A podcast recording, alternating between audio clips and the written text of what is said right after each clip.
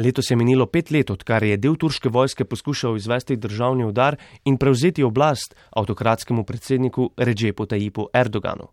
Ta je poskus grobo zatrl in udar izkoristil za napad na svoje nasprotnike: študente, intelektualce, novinarje in nevladne organizacije. Med njimi je tudi novinarka in ena najbolj znanih turških političnih kolumnistk, Eče Temelkuran, ki se je po teh dogodkih raje umaknila iz Turčije od leta 2016 živi in dela v Zagrebu. Ečete Melkuran, hello. Hi, hello, Gasper. Thank you for having me. Moje ime je Gašper Andrinek. Ečete Melkuran sem obiskal v njenem zagrebskem stanovanju. Dolgo smo se dogovarjala za pogovor, saj je bila letos zaradi nove knjige zelo zasedena. Pogovarjala sva se o temi, ki jo že nekaj časa podrobno spremlja, to je desničarski populizem. Govorila pa sva tudi o Turčiji, Evropski uniji, krizi trenutnega sistema in institucij, pa tudi o njeni družini, s katero se lahko srečuje samo na grških otokih, saj je Turčija za njo prenevarna. Ečete Melkuran je Turčijo zapustila potem, ko je doživela številne krize, preselila se je v Zagreb. Na to pa se je nenadoma znašla sredi pandemije, uničujočih potresov, zimskih temperatur. Začele so krožiti celo šale o prihodu pošastne Godzile, ki je predstavljala seveda metaforo. Toda kakšno metaforo? Godzilla is our daily life now. Godzilla je naše vsakdanje življenje. Nimamo dovolj moči, da bi Godzilo premagali.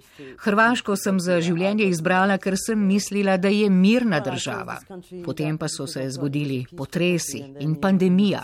Kmalu zatem se je pojavil oblak prahu, ki je prišel vse od Turkmenistana ter se nad Zagreb usedel skoraj za kakšen teden.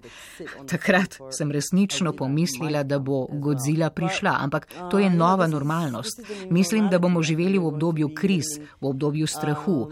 To, skozi kar smo šli v Zagrebu, je bil nekakšen predogled. Čeprav smo ljudje bitja, ki se selimo že odnegdaj, selitve in tiste, ki se selijo, različno poimenujemo. Migranti, izseljenci, izgnanci, begunci, ekspati kako se označuje Eče Temelkuran. Uh, Ko postanete eden izmed teh pojmov, se vaše življenje spremeni. Označujejo me za pisateljico v izgnanstvu, tudi za begunko, ampak samo dojemam obdobje v Zagrebu kot del nekega večjega potovanja. To namreč ni prvič, da živim zunaj svoje države. Živela sem že v Bejrutu, Tunisu, Oxfordu, Parizu, no in zdaj sem v Zagrebu. Res pa je, da se vsej malo bojim, vrniti v Turčijo. Ampak, če bi se označila za izgnanko, vem, da se tega ne bi mogla znebiti do konca življenja. Ko si enkrat v izgnanstvu, tudi če greš kdaj domov, si še vedno izgnanec. Kot da bi bil odvisnik. Kot že rečeno, sem na poti, vse čas pišem. Pisateljstvo je moja država že nekaj časa. Writing is my country V Zagrebu je za svoje knjige našla založnika ter prijatelje, zato ne razmišlja preveč o tem, kako so jo sprejeli. I, I Pri sebi sem opazila, da tudi ko sem bila v svoji državi, nikoli nisem bila ravno domačinka. Pred časom sem nekomu razlagala, da poznam samo dve ali tri zagrebške ulice po imenu. Potem pa sem se spomnila, da to velja enako za Carigrad ali Izmir, ki je moje rojstno mesto. Rečem lahko, da že po naravi nisem domačinka. Tudi zato nikoli ne razmišljam, kako me kje sprejemajo, ampak preprosto živim. Leta 2019 je doživela velik uspeh s knjigo z naslovom Kako izgubiti državo: sedem korakov od demokracije do diktature. Vprašanja in odgovori v njej se zdijo danes še bolj aktualni. Na zadnji strani knjige je zapisano, da je ta knjiga urgenten klic buditve ter terenski priročnik za zaznavanje uspona desničarskega populizma, preden se razširi po celotnem svetu in bo prepozno. Okay, the book was not a political guru writing. It wasn't talking to the Knjiga ni bila mišljena kot pisanje nekega političnega guruja. Ni bila naslovljena na politične odločevalce in politično elito, ampak je bila namenjena ljudem, ki so se znašli v tej globalni politični zmešnjavi. Bilo je v bistvu opozorilo, pazite, bodite pozorni, lahko pride tudi k vam. Če se vam bo zgodilo, boste to prepoznali po teh korakih. In v tem okviru se mi zdi, da je knjiga uspela. Ker opažam, da se naprimer ljudje iz Indije pogovarjajo z ljudmi v Peruju, ljudje iz Mehike se pogovarjajo z ljudmi na Mačarskem. Med seboj delijo svoje razmišljanja in to je bil načeloma glavni cilj te knjige.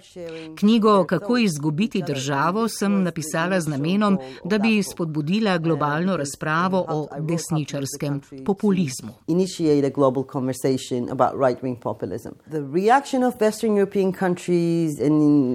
V zahodnoevropskih državah in v nekaterih delih združenih držav so se vrstili odzivi, češ, da je moje delo zastrašujoče, ker sem jasno povedala, da tudi njihova demokracija ni imuna.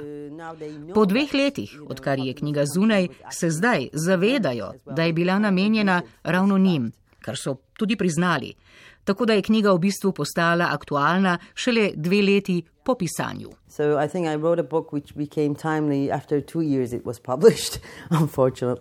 V svoji knjigi je pisala o populizmu, ki se uspenja. Kako zelo v usponu je trenutno? How much is still on the rise? Wow, I mean, like, you know what? I'm, I was actually having a conversation with my Italian editor because now I'm using the word fascism. O tem sem ravno govorila z italijanskim urednikom. Začela sem uporabljati besedo fašizem, je pa to zelo tvegana beseda. Ampak mislim, da je čas, da to poimenujemo fašizem, ker tudi je.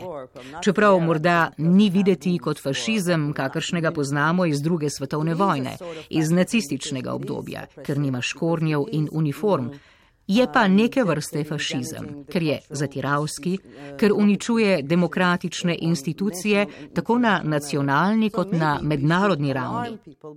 Morda bi morali ljudi opozoriti, da bi uporabili besedo fašizem.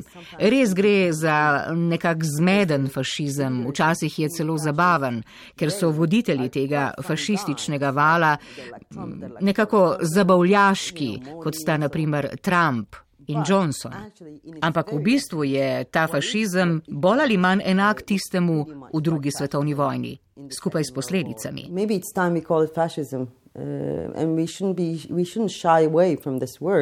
Morda je res čas, da to poimenujemo fašizem. Ne bi se smeli izogibati tej besedi. Izogibanje besedi bi lahko pomenilo tudi, da ste se odločili za napačno ideološko in politično držo v tem zgodovinskem trenutku. V knjigi Kako izgubiti državo se Ečete Melkuran sprašuje, ali so ljudje v svoji naravi resnično zlobni.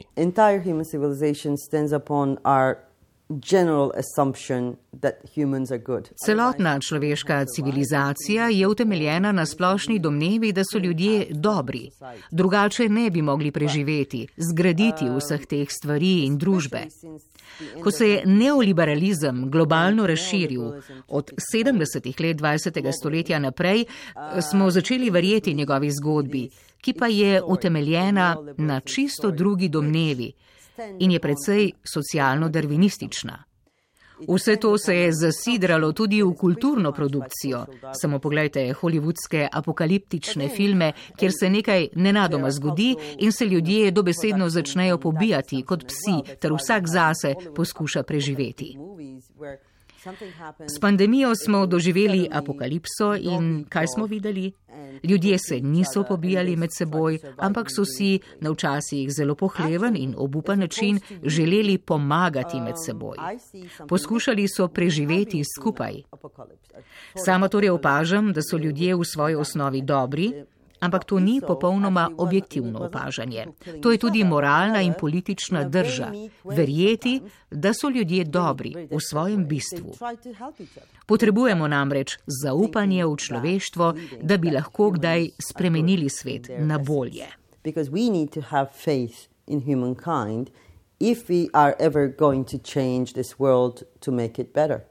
V knjigi razmišlja tudi o komunikaciji s populisti. Zapisala je izmišljen pogovor med Aristotelom in populistom. Na koncu se konča z vprašanjem, bi resnično ubijal samo zato, da bi dokazal, da so vsi ljudje navadni smrtniki. Vprašanje, ki se ob tem postavlja, je jasno. Kako smo prišli od moči argumentov do argumenta moči? which is very close to your country and the country I'm living in now. Začelo se je s to ero post-resnice, kar je zelo blizu vaši državi in državi, v kateri trenutno živim. Beseda post-resnica, kot sem jo napisala v knjigi, prihaja iz vojne v Bosni in Hercegovini in tega, kako so ljudje verjeli tistemu, kar so želeli videti. In kako niso želeli videti, da se je genocid dogajal sredi Evrope oziroma na njeni periferiji. Takrat je tudi nastal termin post-resnice. Intelektualec, ki ga je sestavil, je dejal, da je to svet, ki bi si ga želel diktator. Ko je resnica postala blago, ki ga lahko kupiš in prodaš, in ko je postala objekt relativnosti, takrat smo izgubili moč argumenta in ga spremenili v argument moči. Ko prodaš resnico tistemu, ki za njo ponudi največ, si potem tisti lasti argument moči in to se je zgodilo. Ampak to ne zadeva samo resnice, to zadeva tudi dobro. Ko namreč živimo v svetu post-resnice, je zelo mogoče, da živimo tudi v post-dobrem svetu. Kadar resnice ni oziroma ni zagotovljena, takrat tudi dobro ne more biti zagotovljeno.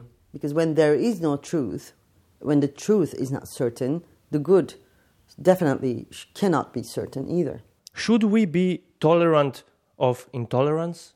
No, no, no, no. Ičete Melkuran ostro nasprotuje temu, da smo tolerantni do netolerantnih.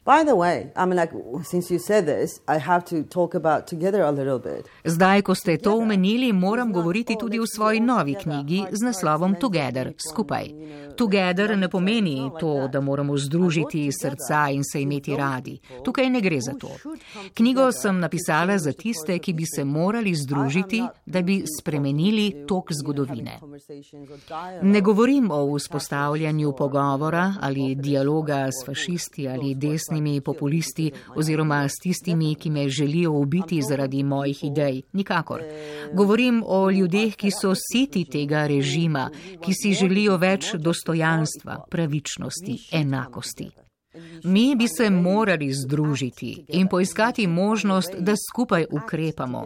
To ni naivno prepričanje o tem, da so vsi ljudje dobri, zakaj ne bi uživali v tej skupnosti. Zagotovo to ni to. Če se poglobimo v ideologijo populizma, lahko ugotovimo, da je ta zelo votla oziroma plitka. Koliko dejansko ideologije je v populizmu? Zdi se, da sledi samo dvema ciljema: grabljenju denarja in pridobivanju moči.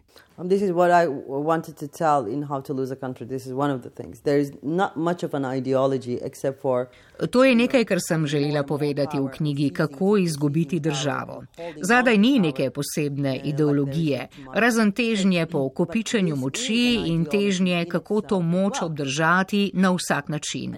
Ampak tudi to je ideologija, ki pa ni zelo všečna, kot lahko vidimo. Je mafijsko-politično ravnanje in to je nekaj, kar lahko vidimo pri vseh vseh desničarskih populistih. To je nekaj, kar počnejo. Z njimi vzpostavljati ideološko razpravo je nekaj popolnoma nepotrebnega. Na vprašanje o tem, ali se to, kar se je zgodilo v Turčiji, res lahko zgodi tudi na tako imenovanem Zahodu, v državah Evropske unije, je odgovarjala več let. Zdaj in ni treba več. Well, I'm like, I was answering this question for two years or so. Now I don't have to because everybody's seeing that it's happening on exact, not exactly the same way, but in a very, very similar way. Vsi namreč vidijo, da se to na zelo, zelo podoben način dogaja tudi pri njih. Je pa seveda vsaka država drugačna. Držav med seboj ne primerjam. Primerjam pa, kako desničarski populisti v vsaki državi delujejo in opažam podobnosti. Zato ima knjiga tudi dodatek v naslovu Sedem korakov, kar pomeni sedem globalnih vzorcev desničarskega populizma. Kdo bi si mislil, da bodo kapitolski grič napadli Trumpovi privrženci? To je neverjetno. Kdo bi si mislil, da bo Boris Johnson napadel kulturne institucije? Pa vendar se to dogaja. Moj argument je vedno bil, da desničarski populizem ni bolezen sistema sistema, ampak je bil inherenten vidik sistema, ki je prišel na plano v času, ko sam sistem ni mogel več zdržati.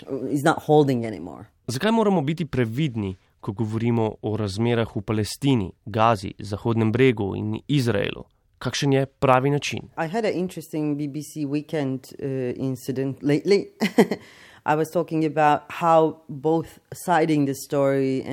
Pred časom sem za BBC govorila o tem, kako sta vedno predstavljeni dve strani v konfliktu.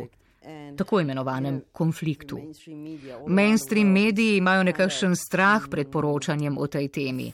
Vemo pa, kaj se dogaja. Okupacija, kar so priznali tudi Združeni narodi. Globalna skupnost pa je tudi ugotovila, da se dogaja režim apartheida. Dejansko pojmenovati in označiti stvari ne bi smelo biti tako težko. K temu bi morali stremeti. Pojmenovati nekaj, kar v resnici je, kar pa ni lahko. Tukaj govorimo o Izraelu. Izrael je vedno večji od Izraela. Resnično je težko, ampak ko govorimo o razmerah, moramo to ustrezno poimenovati in se temu ne izogibati. Like, you know, we should put a name on what's happening and we shouldn't shy away from that name. How you, you would call it, I mean? Occupation of Palestine uh, and also an apartheid regime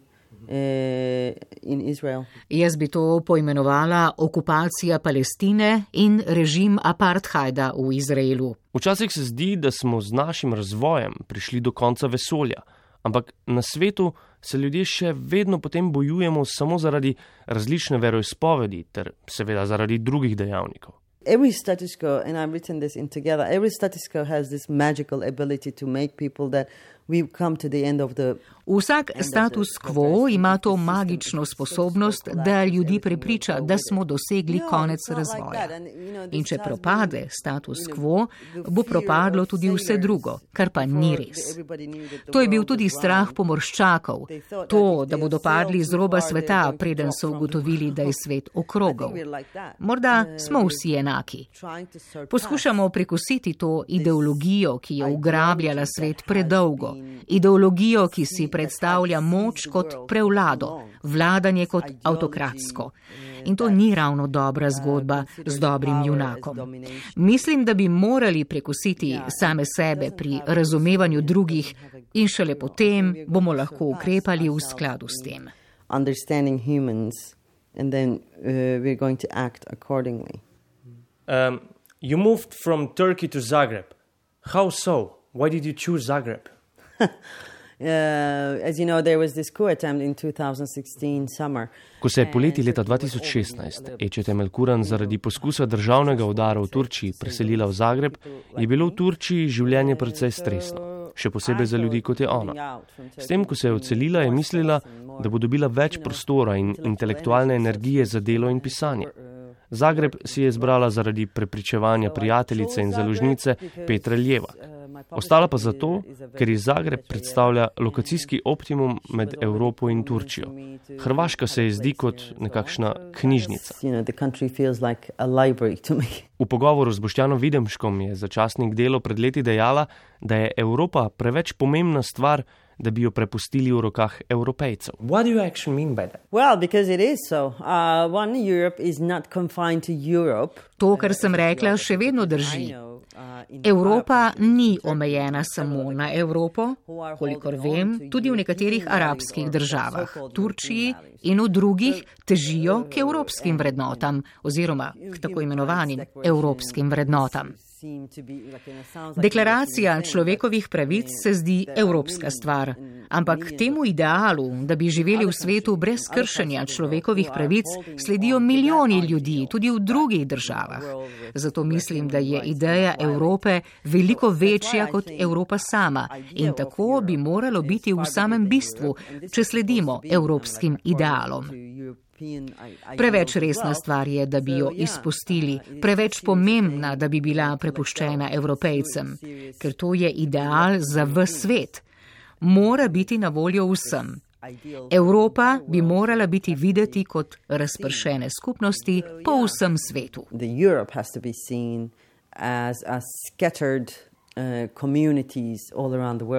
V času njenega življenja na Hrvaškem je Evropska unija doživela številne pretrese, krize, ne nazadnje izstop Velike Britanije. We are, we are uh, you know, national, Smo v dobi razpada na državni in mednarodni ravni. Kar nekaj institucij razpada in Evropska unija je očitno ena izmed njih. Potem pa pomislim, da je Evropska unija vedno bila ideal, nekakšna moralna drža ampak je nažalost izgubila to moralno držo med sirsko in begunsko krizo. Evropska unija nima vojaške moči, nima ekonomske moči in nima več moralne drže na visoki stopnji. Zato niti ne vem, kaj sploh še je. Edina stvar, ki se je še lahko držijo, je ta moralna zavest, ampak se bodo morali dogovoriti o bolj humani rešitvi za begunce, da bi se moralna zavest ohranila. To se več kot očitno ne dogaja, če recimo španska vojska vojska meče maročane nazaj v morje.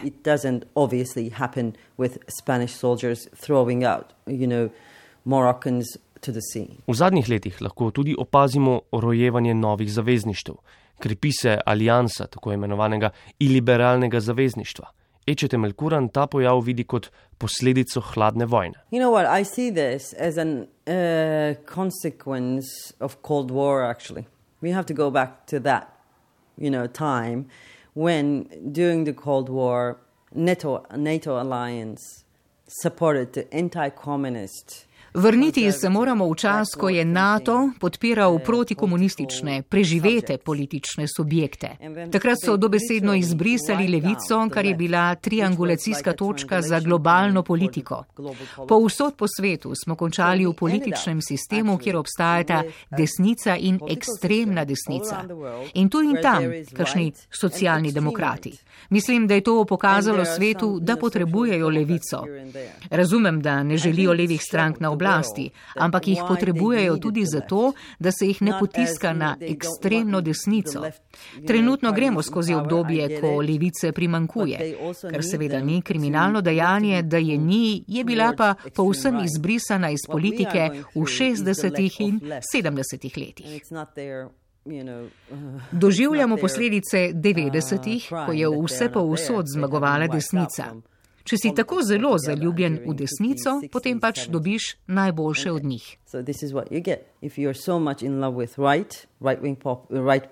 Right wing politics, you get the best of them, like Trump or Slovenian Prime Minister or Mr. Erdogan or you know, whatever you can, Kaczynski, Orban or whatever. Ečete Melkuran je novinarka in kolumnistka. Njene kolumne in politične analize so bile vedno med najbolj branimi v Turčiji. V kakšnem stanju vidi novinarstvo? Well, in, in so, Živimo v svetu, kjer šteje samo moč. Kaj pa je moč današnjega novinarstva? Recimo že znanega, konvencionalnega novinarstva. Če ni denarja, če ni kapitala za novinarstvom, ne more preživeti. Novinari so ekstremno krhki. Ni na ključje, da desničarski populistični voditelji vedno napadajo novinarje, saj jih je najlaže uničiti. Nihče jih ne ščiti. Kar jih ščiti je konsens v družbi, ki si želi resnice. Ko tega konsenza ni več, jih ne ščiti nič več. Vse to, kar zdaj slišim, kar se dogaja, mi je povsem jasno. Šli smo že skozi najslabše možne čase in še vedno smo v njih. Ampak vsi bi se morali zavedati naslednjega. Ko so ravnanja političnih vodstv tolerirana, je naslednji korak to, da bodo vsi novinarji v zaporu. In to se zgodi zelo hitro, na najbolj neverjeten način is tolerated, the next thing is everybody is in prison. And it happens so fast eh, in, in, in the most incredible fashion you can think. V knjigi Kako izgubiti državo, v kateri se vračava skozi celoten pogovor, piše o tem, da novinari niso bili pripravljeni na politične trike populistov, ki prepričujejo svoje sledilce, da medijev ne potrebujejo. Well, it happens the same way everywhere. Uh, this, uh, you know, first of all, they um, miss the point Vse pa vsod se zgodi na enak način. Doslej so novinari mislili, da morajo zaščititi novinarstvo na splošno. Mislili so, da je njihova pozicija v družbi zagotovljena. Tukaj mislim predvsem na tako imenovane mainstream novinarje. Zatirani novinari, neodvisni novinari, ti so pa vedeli, kaj se pripravlja. Ampak mainstream novinari so mislili, da sta njihova vloga in status večno zagotovljena. Očitno so pozabili na bistvo svojega obstoja, ki je bolj ali manj odvisen od tega, kako se bo kapital prilagodil desničarskemu populizmu. In kapital se je na desničarski populizem odzval tako kot vedno. Kompromitiral je, ustvaril je konsens z desnimi gibanji, novinari pa so ostali sami. Ne bi smeli pozabiti na mehanizem za strojem. Ta politični stroj deluje s kapitalom in je odvisen od tega, kako kapital stoji ter kako določa veliko stvari, tudi resnico.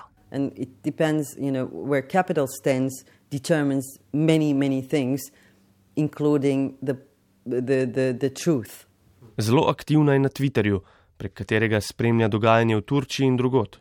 In Twitter predstavlja realno perspektivo družbe? Does Twitter show us a real perspective of society? Sometimes, yes. Včasih.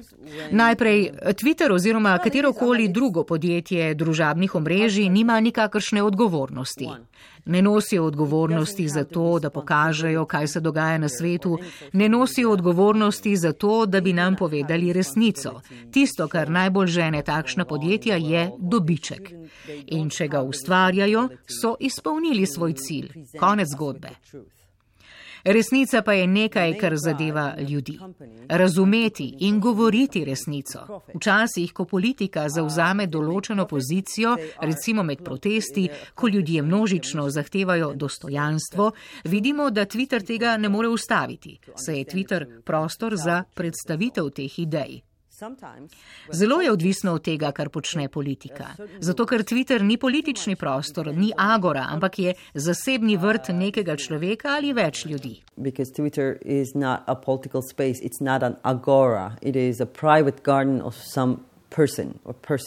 V Turčiji Ečete Melkuran ni zaželena, predvsem zaradi svojega mišljenja, a sama dobro pozna delovanje turške družbe in trenutnih oblasti.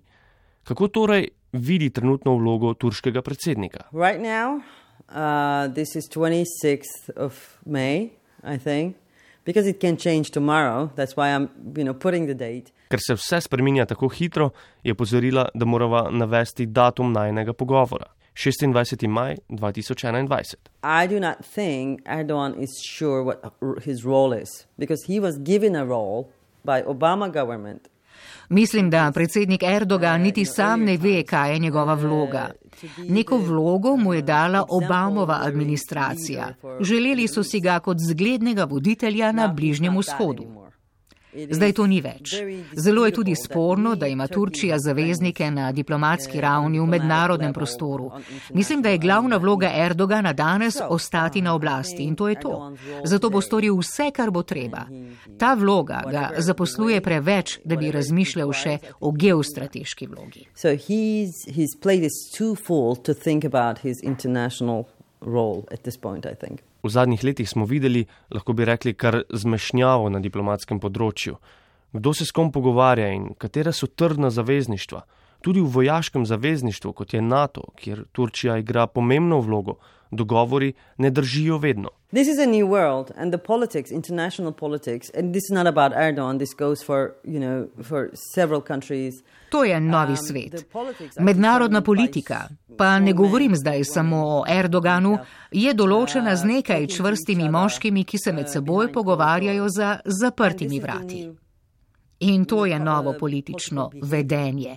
Putin se pogovarja z Erdoganom, ta se pogovarja z Orbanom, mi sploh ne vemo, o čem se pogovarjajo. Nekdo kliče Bidna, sploh ne vemo, kdo ali kaj je ogroženo in tako naprej.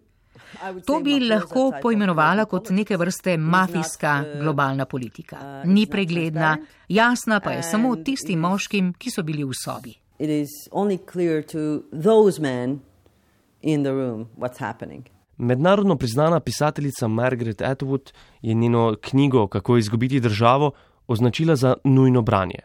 Glasbenik in aktivist Brian Eno je za njeno novo knjigo dejal, da če mora izbrati eno knjigo, ki bi jo morali prebrati vsi, bi to bila ta. In sicer knjiga z naslovom Together oziroma Skupaj, s podnaslovom Deset možnosti za boljšo sedanjost. Išla je letos poleti v angleščini in hrvaščini. Politično nasilje, globalna neenakost, podnebne katastrofe, zdi se, kot da se vse ruši in tisti, ki imajo moč, se zato niti ne zmenijo. Kaj zdaj? Kako naj začnemo graditi nekaj boljšega? Tako gre opis knjige, ki v naslovu ponuja odgovor: Skupaj.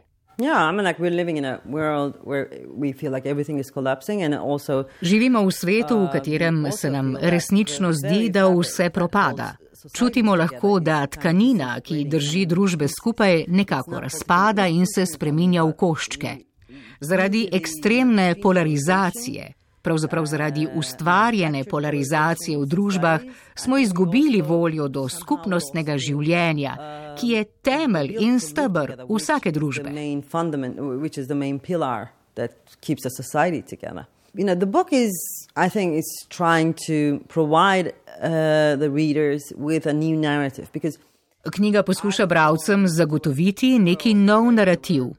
Bila sem rojena v svet, ko so bili na eni strani grandiozni narativi, marksizem recimo, na drugi strani pa znova gomila knjig, dekonstrukcija velikih narativov.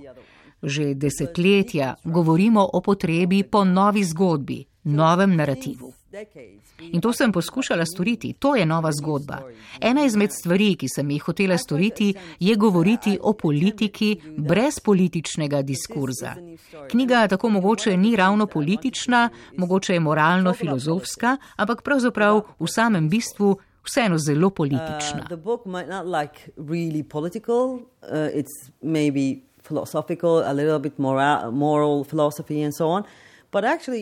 Nič namreč ne obstaja zunaj političnega. Prostora brez politike ni. Skupaj je v bistvu vprašanje. Prosim za pomoč, da ljudje z menoj razmišljajo.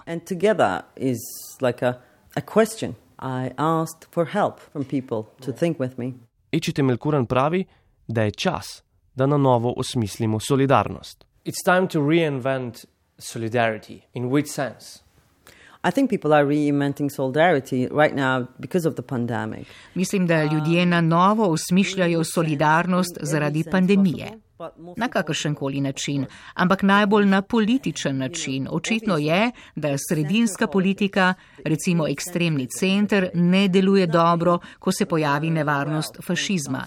Zato moramo biti solidarni z vsemi progresivnimi ljudmi na svetu. Da lahko to ustavimo in kako to ustaviti?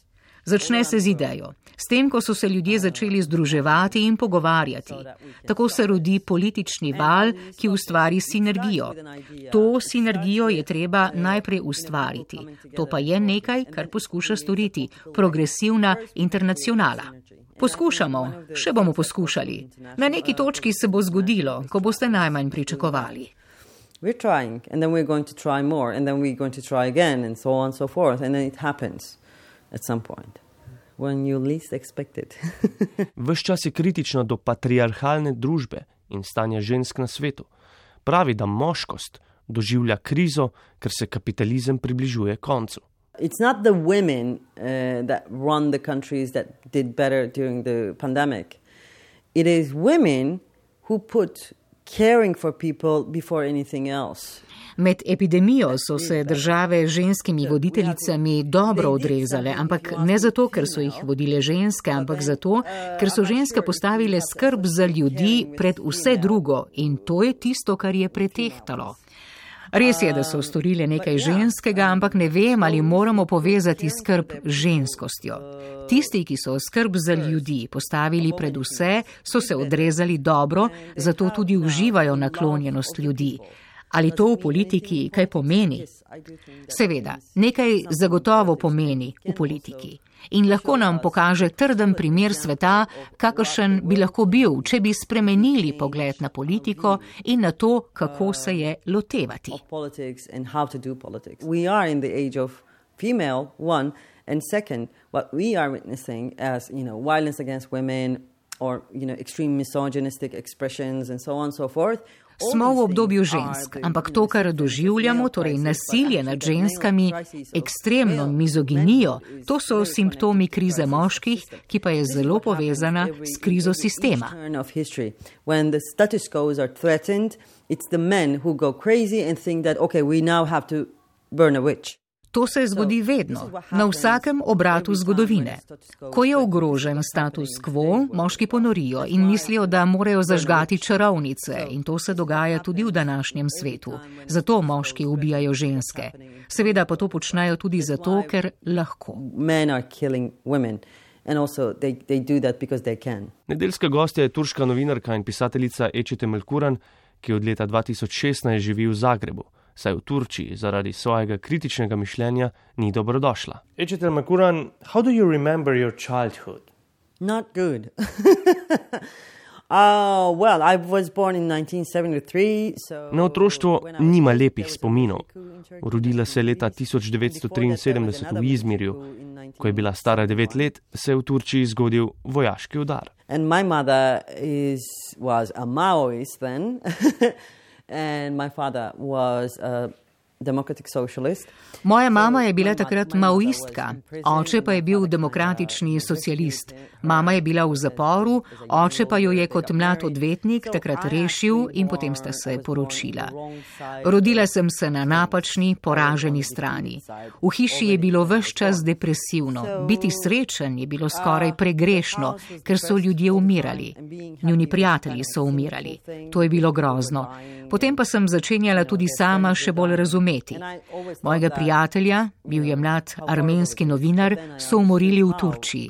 Šele potem sem nekako razumela, kako sta se počutila starša, ko so bili njuni prijatelji ubiti, mučeni, zaprti ali izgnani. Uh, then because their friends were killed, tortured, or imprisoned or exiled as well. What kind of influence did you did your family have on you? I mean, mother, father, you were speaking a little bit. My mom is an artist. Uh, she's a painter. Uh, so I always thought like Njena mama Lale je slikarka. From very young age, I always thought that everybody's painting, everybody's writing, everybody's, you know, watching cinema and so on. Odnegdaj sem bila prepričana, da vsi slikajo, vsi pišejo in hodijo v kino. Vse to je bilo tako normalno. Umetnost ni bila nekaj posebnega v naši družini, ampak je bila del nečesa običajnega. Če meni kdo reče umetnica in tako čuti tudi moja mama, pomislim, kakšna umetnica. Sej samo počnem svoje običajne stvari. well, right? the... V kotu njenega zagrebskega stanovanja je stojalo s platnom, spodaj je nekaj barv. Med pandemijo je začela znova slikati tudi sama. It's a normal thing. It is a normal thing, absolutely. I mean, like, this is like playtime, writing poetry, writing novels. novels. To je kot čas za igro, pisanje poezije, novel, slikanje. Vse to je igra, to so prostori, kjer sama sebe najbolj začutim, kjer nisem javna osebnost. Takšna je bila tudi moja mama. Moj oče je odvetnik, zabaven, a ne preveč srečen. Veliko me je naučil o življenju.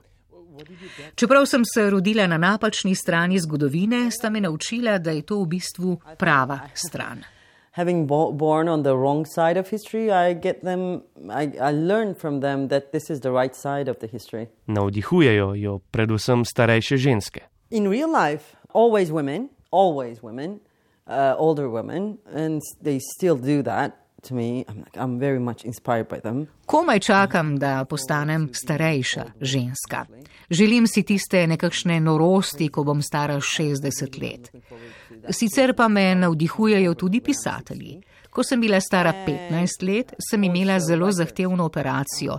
Skoraj sem bila nepokretna in dolgo časa sem potrebovala, da sem okrevala. Spomnim se, da sem takrat prebrala roman Grg Zorba Nikosa Kazancakisa in ta knjiga mi je spremenila življenje. Uh,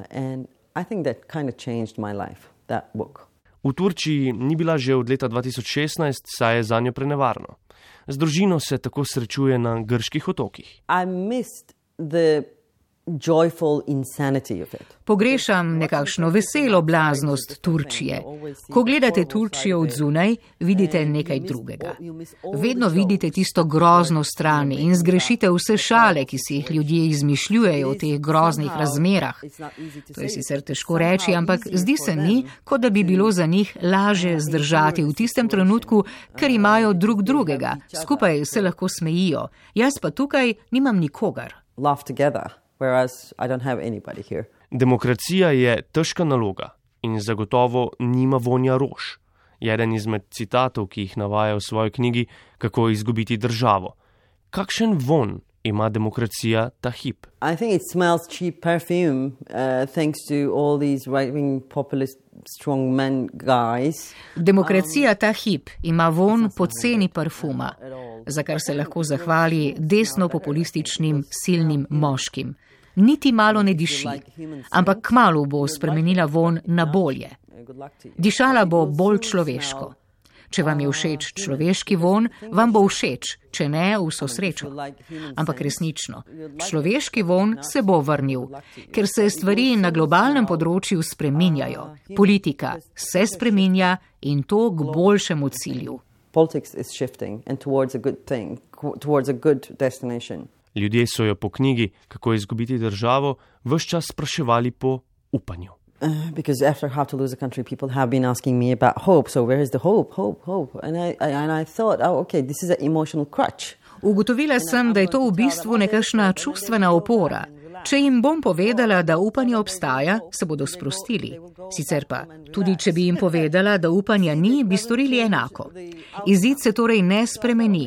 Potem sem ugotovila, da v bistvu sprašujejo po nečem drugem. Zanima jih razlog za ukrepanje, zato da postanejo boljši. Kaj je ta razlog? Kaj smo izgubili, da nimamo več razloga? Izgubili smo, po mojem mnenju, zaupanje vase. Potem, ko smo bili tako zelo izpostavljeni neoliberalni kulturi in morali, s tem smo izgubili vero v človeštvo in se vdali socialnemu darvinizmu, ki je srce kapitalizma. Zato je naslov prvega poglavja Izberi zaupanje pred upanjem. Social Darwinism, which is at the heart of capitalism. So, yeah, so that's why the first chapter is choose faith over hope. How do you usually spend Sundays? You know, boring Sundays are the invention of Western uh, culture. Ečete Melkuran nedelje običajno preživlja dolgočasno. Pravi, da sama prej dolgočasnih nedelj ni poznala, saj so v bistvu zahodni konstrukt. Zdaj ob nedeljah namensko ne počne ničesar. Ečete Melkuran, thank you for being my guest. Thank you, Gasper. Thank you for having me. Nedeljska gostja je bila turška novinarka, pisateljica in aktivistka Ečete Melkuran ki od leta 2016 živi v Zagrebu, kjer tudi izdaja svoje knjige. Najnovejša z naslovom Together, skupaj, je šla letos. Z njo sem se pogovarjal o Gašper Andrinek. Nedeljski gost je oddaja in podcast Vala 202. Poiščite jo v aplikacijah za podkaste in ji sledite. Vsako nedeljo predstavimo novega gosta ali gostjo.